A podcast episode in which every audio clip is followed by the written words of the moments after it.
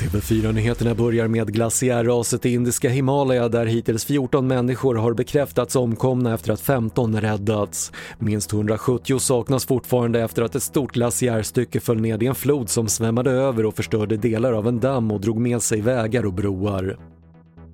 Många som har så kallad långtidscovid känner sig misstrodda av vården, det säger Svenska Covidföreningen till SR.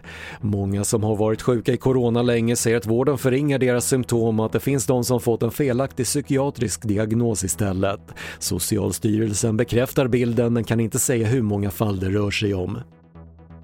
Idag inleds rättegången mot Ronneby kommun efter att hälsofarliga PFAS-kemikalier funnits i dricksvattnet. Kommunala vattenbolaget avvisar anklagelserna eftersom man hävdar att inga personer fått några symptom på grund av PFAS. Men invånarna pekar dock på att många har höga halter av de cancerframkallande kemikalierna i blodet.